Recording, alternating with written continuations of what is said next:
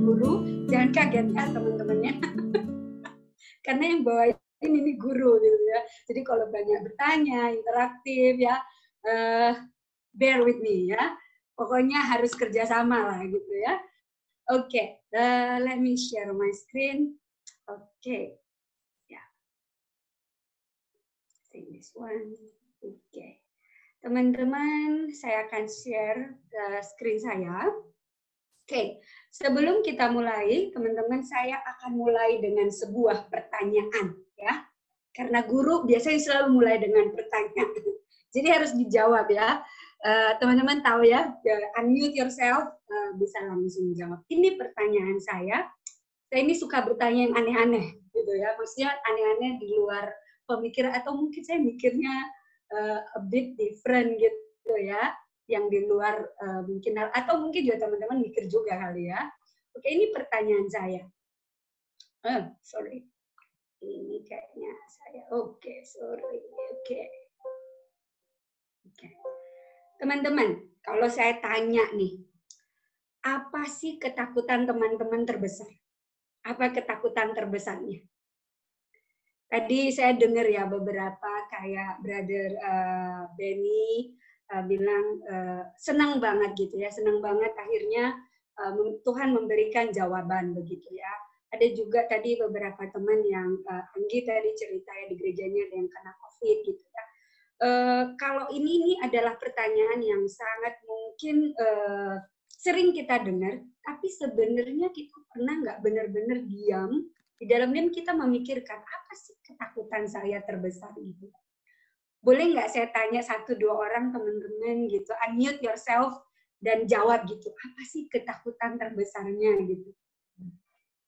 Kalau buat Francia, kegagalan. kegagalan. Takut sekali sama satu kata itu, kegagalan. Hmm, Oke. Okay. Yang lain, teman-teman yang lain, apa yang paling ditakutkan? Kalau gue uh, mungkin karena masa COVID ya, jadi gue paling takut uh, gue paling takut mati atau salah satu dari keluarga gue ada yang kena COVID atau ya gimana ya. Hmm. Soalnya uh, sejak dulu gue kehilangan bokap ya, itu benar-benar satu perasaan yang sedihnya itu cukup lama gitu ketika kehilangan. Hmm. Jadi uh, gue paling takut kehilangan sih.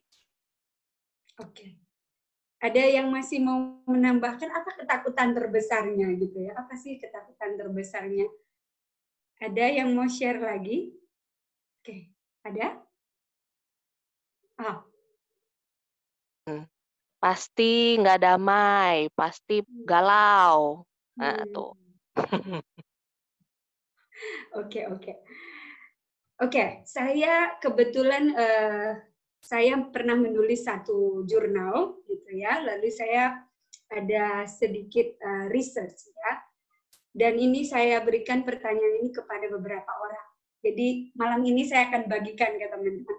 Apa sih ketakutan terbesar dari orang-orang gitu ya?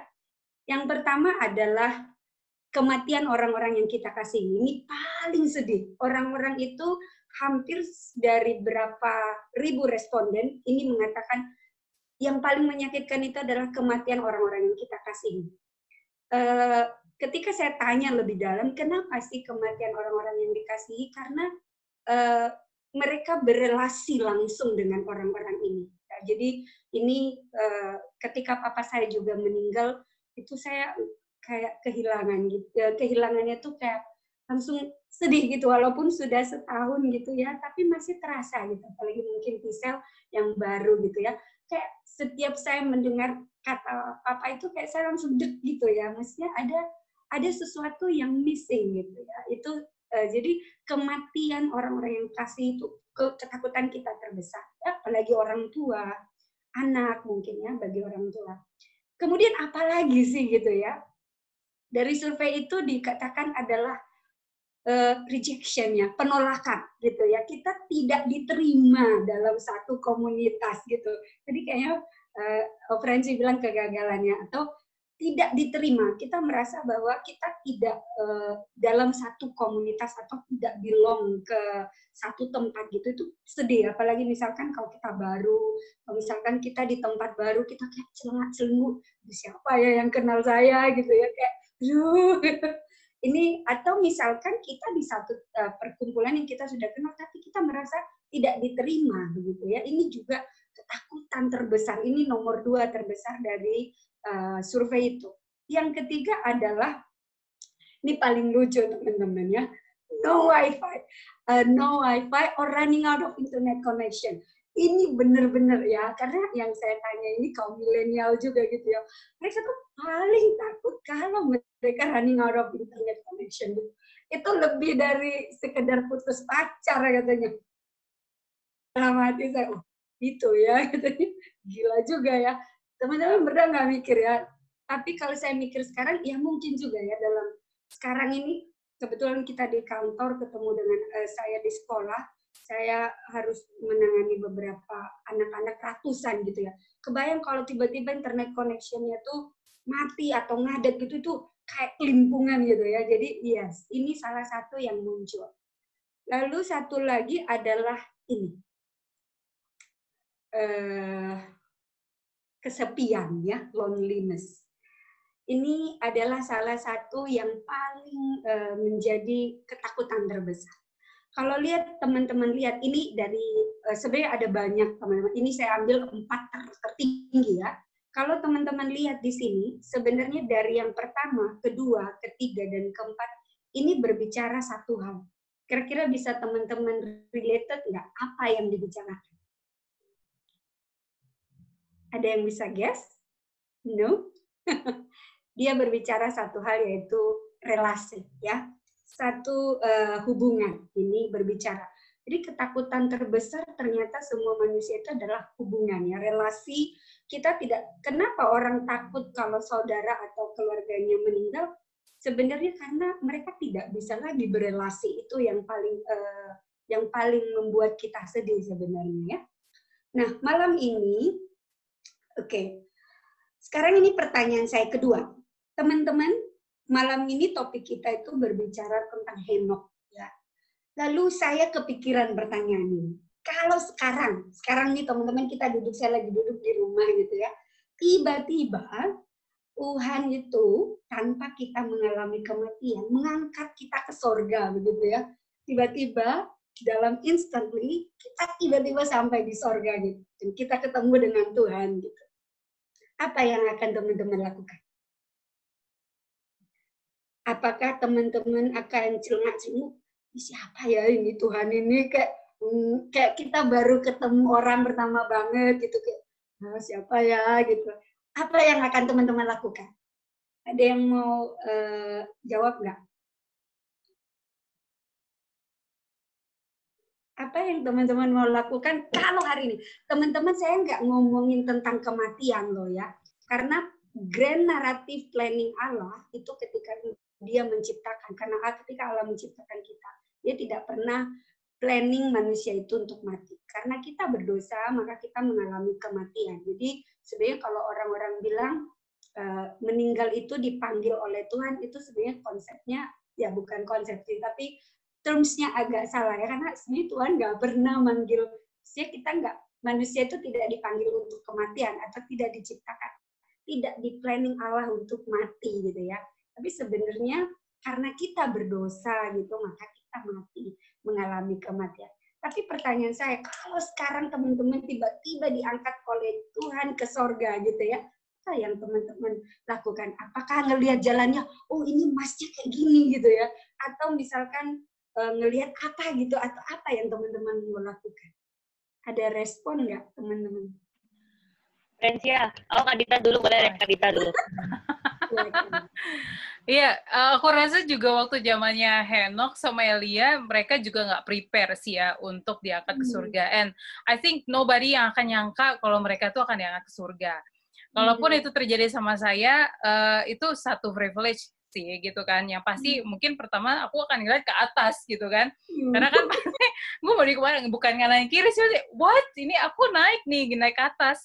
Sama kayak waktu Yesus naik ke surga, uh, murid-muridnya itu ngelihat dia ke atas tuh sampai benar-benar menghilang. Dan itu hmm. menjadi satu keajaiban yang uh, satu pengalaman yang nggak nggak pernah terjadi kan sebelumnya. Kalau itu terjadi sama aku dan aku pasti akan wow gitu kayak aku kok bisa seorang kayak aku bisa masuk surga gitu dan maksudnya straight away gitu tanpa harus mengalami kematian. Yang lain, teman-teman yang lain? Francia. Ayo, Fran. Kalau Francia mungkin uh, pas udah di atas gitu ya. Kan tadi kita udah proses ke atasnya tuh. Nah, Francia kita udah di atas gitu amazed hmm. banget pasti uh, mungkin kayak mau nanya gitu deh ke Tuhan. Maksudnya mau ngecek nama fansnya tuh ada nggak sih di buku kehidupan gitu deh. Jangan-jangan selama ini yang terlakukan Chelsea adalah ternyata Tuhan nggak kenal lagi sama Francia gitu kan. Enggak, maksudnya mau nanya. Enggak taunya, gitu. jadi maksudnya gini, Francia pas naik ke atas, Tuhan, ini nggak salah orang gitu ya? Nanya, masih Francia yang ini apa yang sana? Oke, oke. Teman-teman yang lain ada yang mau uh, menjawab atau menambahkan? Tidak ada? Kayaknya kita semua dalam keadaan lelah ya. Jadi saya uh, le uh, sedikit lebih bersemangat membawanya supaya nggak tidur ya. Oke. Okay. Uh, ada seorang pelukis melukiskan seperti ini. Kalau saya mau ketemu dengan Tuhan, saya diangkat ke sorga sekarang, saya yang pertama saya akan lakukan adalah memeluk Yesus Kristus. Dia bilang gitu. Karena saya rindu gitu ya. Ada seorang mengatakan begini. Sebenarnya kalau kita ke surga, lalu Allah yang kita kenal melalui uh, firman-Nya itu tidak ada di sana. Sebenarnya surga itu ada nggak sih artinya gitu ya.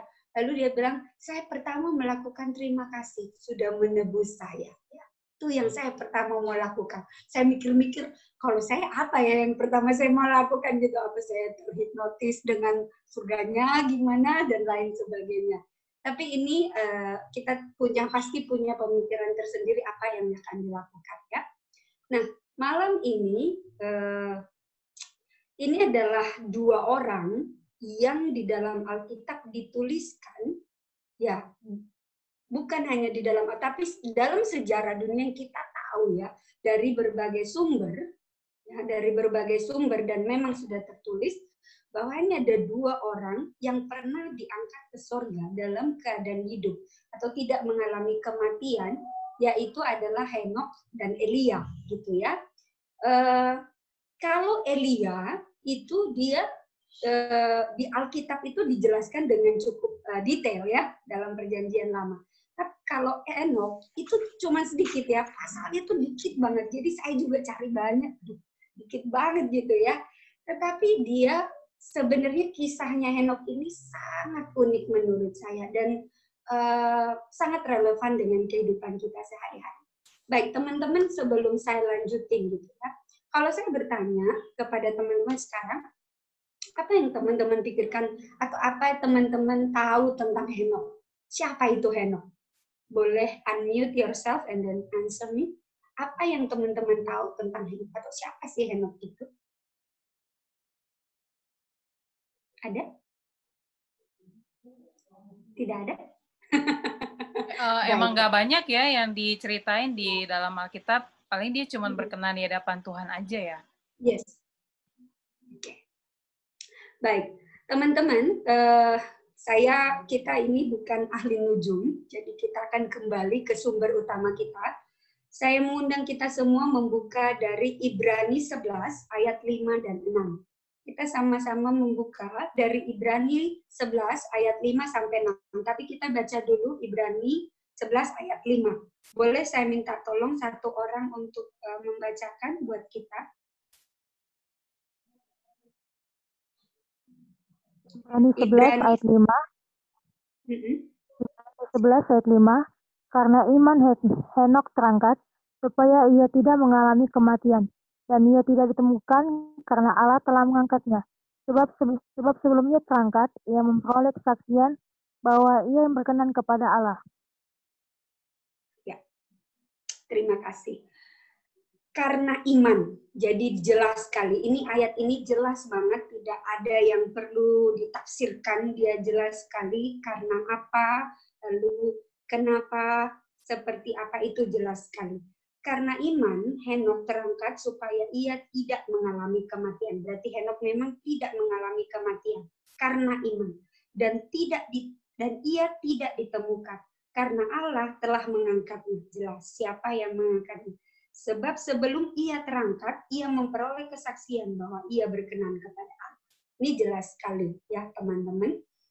Uh, tapi saya mau uh, mengambil satu uh, perbandingan ayat, yaitu dari New Living Translation. Uh, saya ambil uh, karena ini memberikan gambaran yang lebih jelas ya kata-katanya lebih jelas. Saya langsung warnai merah di sini, ya. It was by faith that Enoch was taken up to heaven without dying. He disappeared because God took him.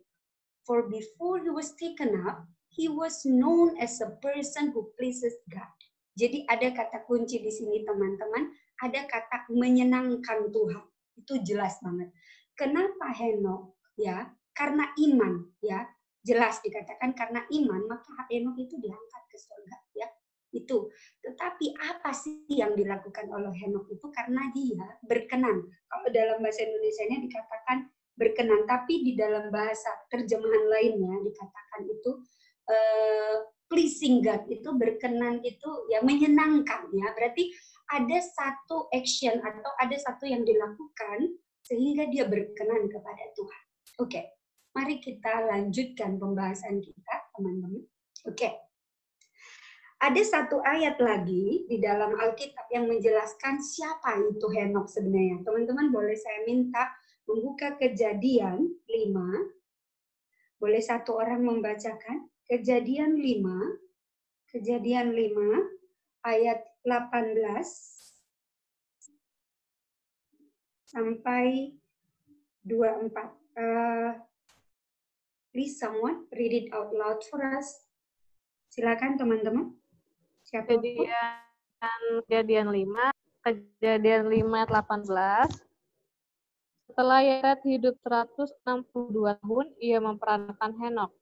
Dan masih hidup 800 tahun. Setelah ia memperanakan Henok, ya, dan ia memperanakan anak-anak lelaki dan perempuan. Jadi Yaret mencapai umur 962 tahun, lalu ia mati. Setelah Henok hidup 65 tahun, anakan Metusala. Dan Henok hidup bergaul dengan Allah selama 300 tahun lagi. Setelah ia memperanakan Metusala dan memperanakan anak-anak lelaki dan perempuan. Jadi Henok mencapai umur 365 tahun. Dan Henok hidup bergaul dengan Allah, lalu tidak ada lagi sebab ia telah diangkat. Baik, terima kasih. Sampai dua aja kan, Kak? 24 iya betul. Thank you. Ya, eh, teman-teman uh, ini uh, sebenarnya ayat ini kalau kita lihat dalam versi yang lain New King uh, uh, di beberapa terjemahan yang lain New King James Version dan uh, apa bahasa Inggris sehari-hari ada beberapa hal yang mungkin kita perlu garis bawahi. Di ayat 22, teman-teman, coba dilihat di situ di ayat 22 after ya setelah dia memperanakan Metusala setelah dia memperanakan Metusala. Jadi dia ini memperanakan Metusala waktu umur berapa teman-teman? Waktu umur berapa dia memperanakan Metusala? 65 tahun betul ya? Setelah umur 65 tahun dia memperanakan Metusala. Dan setelah itu setelah dia memperanakan Metusala dia setelah si Henok memperanakan Metusalah, dia itu berjalan bersama dengan Allah. Jadi berarti ada something, ada sesuatu yang sangat signifikan dalam kelahiran Metusalah. Teman-teman perhatiin nggak ayat ini? Hanya Metusalah dari anaknya, ya hanya Metusalah dari anaknya Henok yang dituliskan oleh Alkitab. Selain itu nggak ada. Perhatikan nggak teman-teman? Yang lain dia bilang memperanakan laki-laki dan perempuan. Hanya Metusala yang dituliskan anaknya. Berarti ada sesuatu yang sangat penting dengan Metusala gitu ya. Dan dikatakan setelah umur 65 tahun dia memperanakan Metusala, lalu dia berjalan dengan Allah. Dan setelah itu lagi 300 300 tahun lagi. Jadi 300 berarti selama 365 tahun dalam hidupnya dia, dalam hidupnya Henok, dia berjalan bersama dengan Tuhan. Wah, hidupnya itu benar-benar everyday ya. Tapi setelah kelahiran Metusala, saya penasaran, saya uh, digging a bit about Metusala ya. Saya coba cari apa sih uh, met, uh, uh, kenapa hanya Metusala yang dituliskan dalam Alkitab gitu ya? Pasti something special, something unique. Kenapa Alkitab menuliskan hal seperti itu gitu ya? Oke. Okay. Oke. Okay. Oke. Okay. Saya sedikit lagi teman-teman. Eh, kita buka lagi satu lagi referensi dalam Yudas 1 ayat 14 sampai 15. Boleh satu orang yang membacakan tentang Henok. Kita baca bersama-sama atau boleh satu orang membacakan dalam Yudas 1 ayat 14 sampai 15.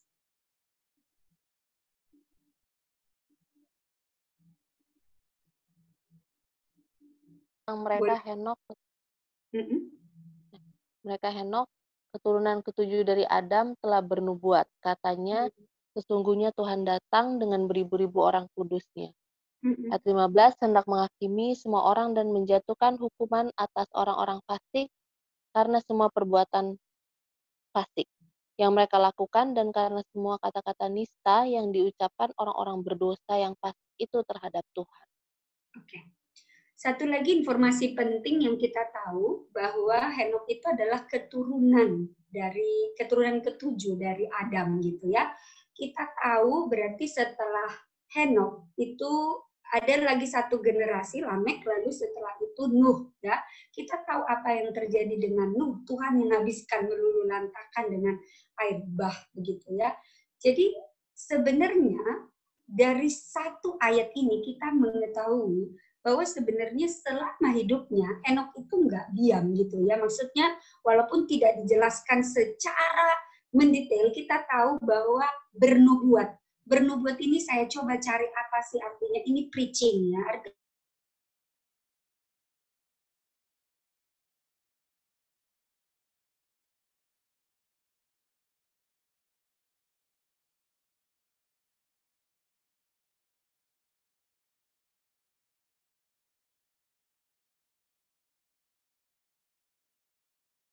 Sesuatu yang dilakukan untuk memusnahkan bumi karena teman-teman bisa dengar saya enggak ya?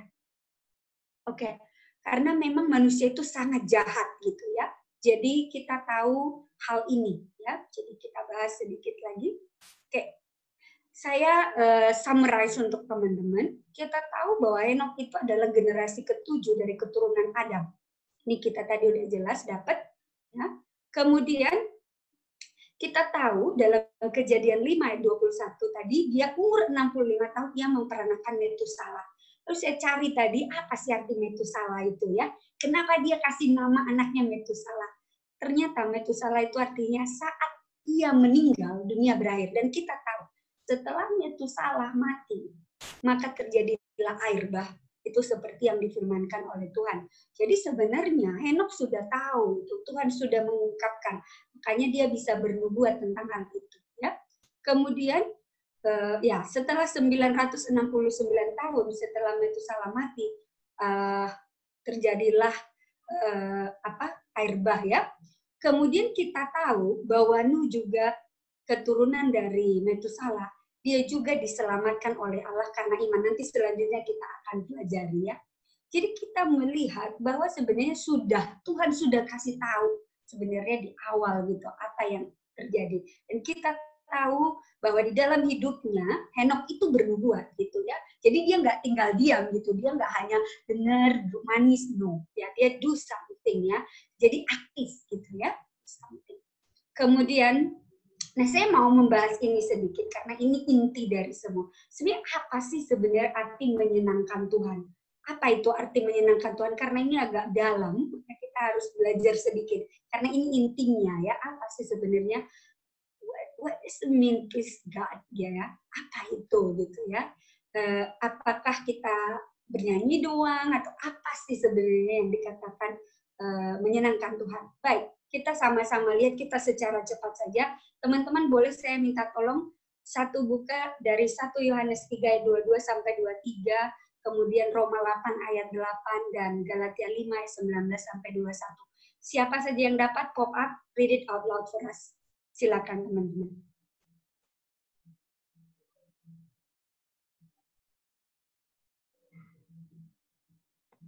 Satu Yohanes 3 ayat 22 dan 23. Dan apa saja yang kita minta, kita memperolehnya daripadanya, karena kita menuruti segala perintahnya dan berbuat apa yang berkenan kepadanya. Dan inilah perintahnya itu, supaya kita percaya akan nama Yesus Kristus, anaknya, dan supaya kita saling mengasihi sesuai dengan perintah yang diberikan Kristus kepada kita.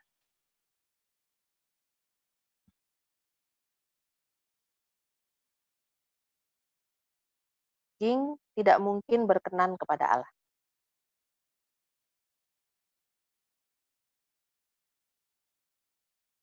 Selanjutnya teman-teman. Galatia 5 ayat 19, perbuatan daging telah nyata yaitu percabulan, kecemaran, hawa nafsu, penyembahan berhala, sihir, perset, sihir, perseteruan, perselisihan, iri, iri hati, amarah, kepentingan diri sendiri, pencidraan, roh pemecah, kedengkian, kemabukan, pesta pora, dan sebagainya. Terhadap semuanya itu, kuperingatkan kamu seperti yang telah kubuat dahulu, bahwa barang siapa melakukan hal-hal yang demikian, ia tidak akan mendapat bagian dalam kerajaan Allah. Oke, teman-teman kita terbatas oleh waktu, saya summarize buat teman-teman semua ya. Dalam yang 1 Yohanes 3 ayat 22 23 jelas. Di sini dijelaskan kepada kita sebenarnya apa sih yang dimaksud dengan menyenangkan Allah? Menyenangkan Allah itu berarti artinya kita menuruti hukum Allah. Kita menuruti perintah Allah. Pertanyaannya, apa itu perintah Allah? Jelas, Yesus berkata ya, perintah Allah itu kasihanilah Tuhan Allahmu dengan segenap hatimu dan kasihanilah sesamamu seperti engkau mengasihi dirimu sendiri. Ya, tuh bagian itu. Dan 10 hukum firman Tuhan tentunya. 10 uh, 10 eh, hukum Taurat itu adalah perintah Tuhan dan seluruh itu itu adalah sesuatu ketika kita melakukan itu itu sesuatu yang menyenangkan Tuhan. Tapi pertanyaannya adalah kita tahu itu ya, teman-teman pasti tahu itulah intinya. Tapi pertanyaan berikutnya adalah it's very hard for us as a human being ya kita karena kita sinful nature. Kita itu susah, susah dan tidak hanya susah, impossible ya, tidak mungkin kita dalam keberdosaan kita menuruti firman Tuhan. No. Even teman-teman pergi ke gereja, baru dengar firman Tuhan, kadang ngelihat orang di samping aja bisa berdosa. Bener nggak sih? Saya pernah loh begitu rasanya itu kayak, aduh Tuhan gitu ya. Gak mungkin gitu ya, nggak mungkin. Karena kita itu hidup dalam kedagingan. Kita hidup dalam dosa. Itu kita tidak mungkin sebagai manusia itu kita tidak mungkin. Tetapi ada good news ya. Jadi tadi dijelaskan dalam Galatia 5 ayat 19 21 apa sih sebenarnya apa itu hidup dalam daging itu tadi dijelasin di situ. Hidup dalam daging itu adalah kedengkian dan seterusnya dan seterusnya. Ini ada di dalam kita. Teman-teman eh, mau berapa puluh lama pun kita pernah pergi ke gereja ikut eh, care group dan sebagainya, even baru morning devotion mungkin kita udah berdosa gitu. Atau mungkin amin baru amin. Kita bisa berdosa ya tiba-tiba gitu. Kenapa sebenarnya? Karena kita memang sinful nature ya.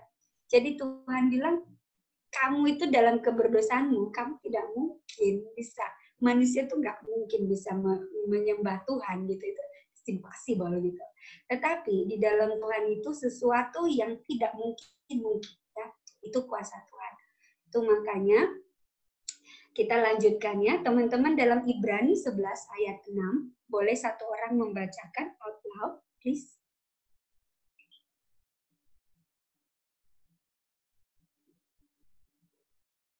Boleh satu orang membacakan? Siapa aja? Ibrani 11 ayat 6. Ibrani 11 ayat 6. Tetapi tanpa iman tidak mungkin orang berkenan kepada Allah, sebab barang siapa berpaling kepada Allah, ia harus percaya bahwa Allah ada dan bahwa Allah memberi upah kepada orang yang sungguh-sungguh mencari Dia. Oke, okay. tanpa iman gitu ya. Jadi kita tahu bahwa kita safe by grace. Tidak ada satupun yang kita bisa lakukan untuk menyelamatkan kita. We know that ya. Dan dikatakan tanpa iman tidak mungkin orang berkenan kepada Allah. Mau teman-teman mau uh, puasa 40 hari 40 malam atau apa pun yang kita lakukan sebenarnya kita we cannot pleasing ya. Tetapi hanya karena iman. Jadi iman itu adalah kunci yang paling utama. Jadi iman membuat sesuatu yang tidak mungkin menjadi mungkin. Itu hal yang harus kita pahami bersama. Jadi di dalam iman itu something possible jadi possible ya. Lalu apa itu iman sebenarnya? Bagaimana kita memperoleh? Kita pasti udah tahu ini jawabannya. Apa itu iman? Tapi kalau teman-teman kita review sedikit apa sih sebenarnya iman itu? Bagaimana kita uh, apa kita sebagai manusia memperoleh iman? Kita bisa buka ini. Teman-teman boleh uh, quick reading dalam Roma 10 ayat 17, 1 Korintus 2 ayat 5, Efesus 2 ayat 8 sampai 9. Satu-satu boleh ambil, read it out loud kepada kita, silakan. Roma 10 ayat 17 dulu, silakan. Help me out, guys.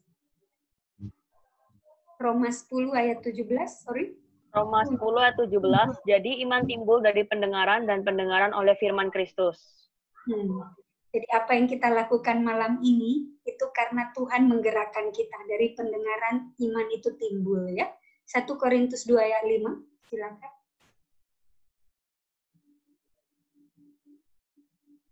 Satu Korintus 2 ayat 5 supaya iman kamu jangan bergantung pada hikmat manusia tetapi pada kekuatan Allah. Jadi teman-teman kita tahu bahwa iman itu kita tidak dapatkan, tapi itu anugerah yang diberikan Tuhan kepada kita. Itu karena Tuhan menganugerahkan iman, maka kita bisa mendapatkan itu. Tetapi iman kita itu, iman itu dikerjakan juga ya teman-teman. Itu makanya dari pendengaran, dari pembelajaran sehari-hari itu, itu sesuatu yang aktif. Jadi iman itu bukan sesuatu yang pasif. Efesus 2 ya 8 sampai 9, siapa aja anyone? Guys, Efesus, Efesus 2 ayat 8 sampai 9.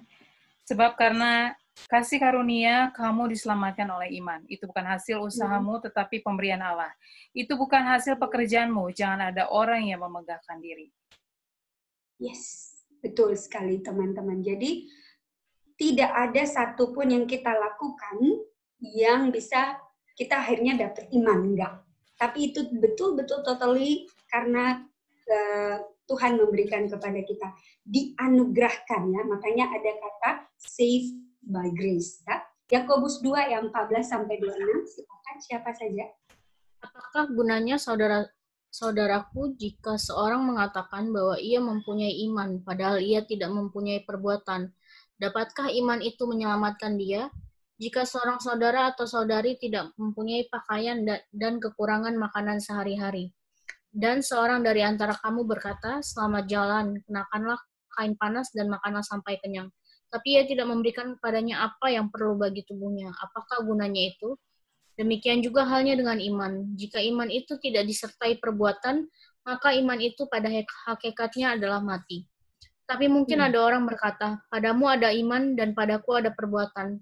Aku akan menjawab dia, Tunjukkanlah kepadaku imanmu itu tanpa perbuatan, dan aku akan menunjukkan kepadamu imanku dari perbuatan-perbuatanku.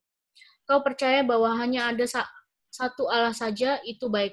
Tetapi setan-setan pun juga percaya akan hal itu, dan mereka gemetar.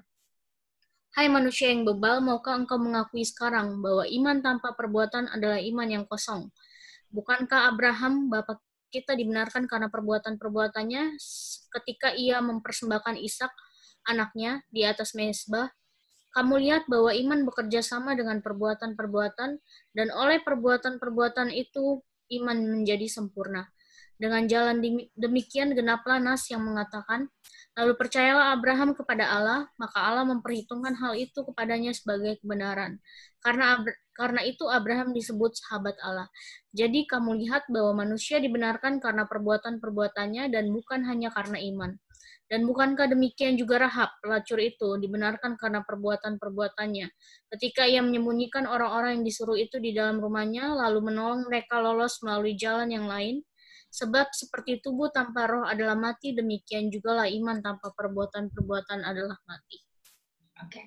Baik, saya tidak akan menjelaskan lebih dalam tentang hal itu karena ayat Alkitab itu jelas outlaw diberikan kepada crystal clear ya. Kita tahu bagian ini bahwa sebenarnya tanpa iman kita tidak akan pernah berkenan kepada Allah. Tetapi iman tanpa perbuatan pun itu adalah kosong. Karena itu beriringan ya teman-teman. Ini sesuatu yang kita harus pelajari lagi dan pelajari lagi.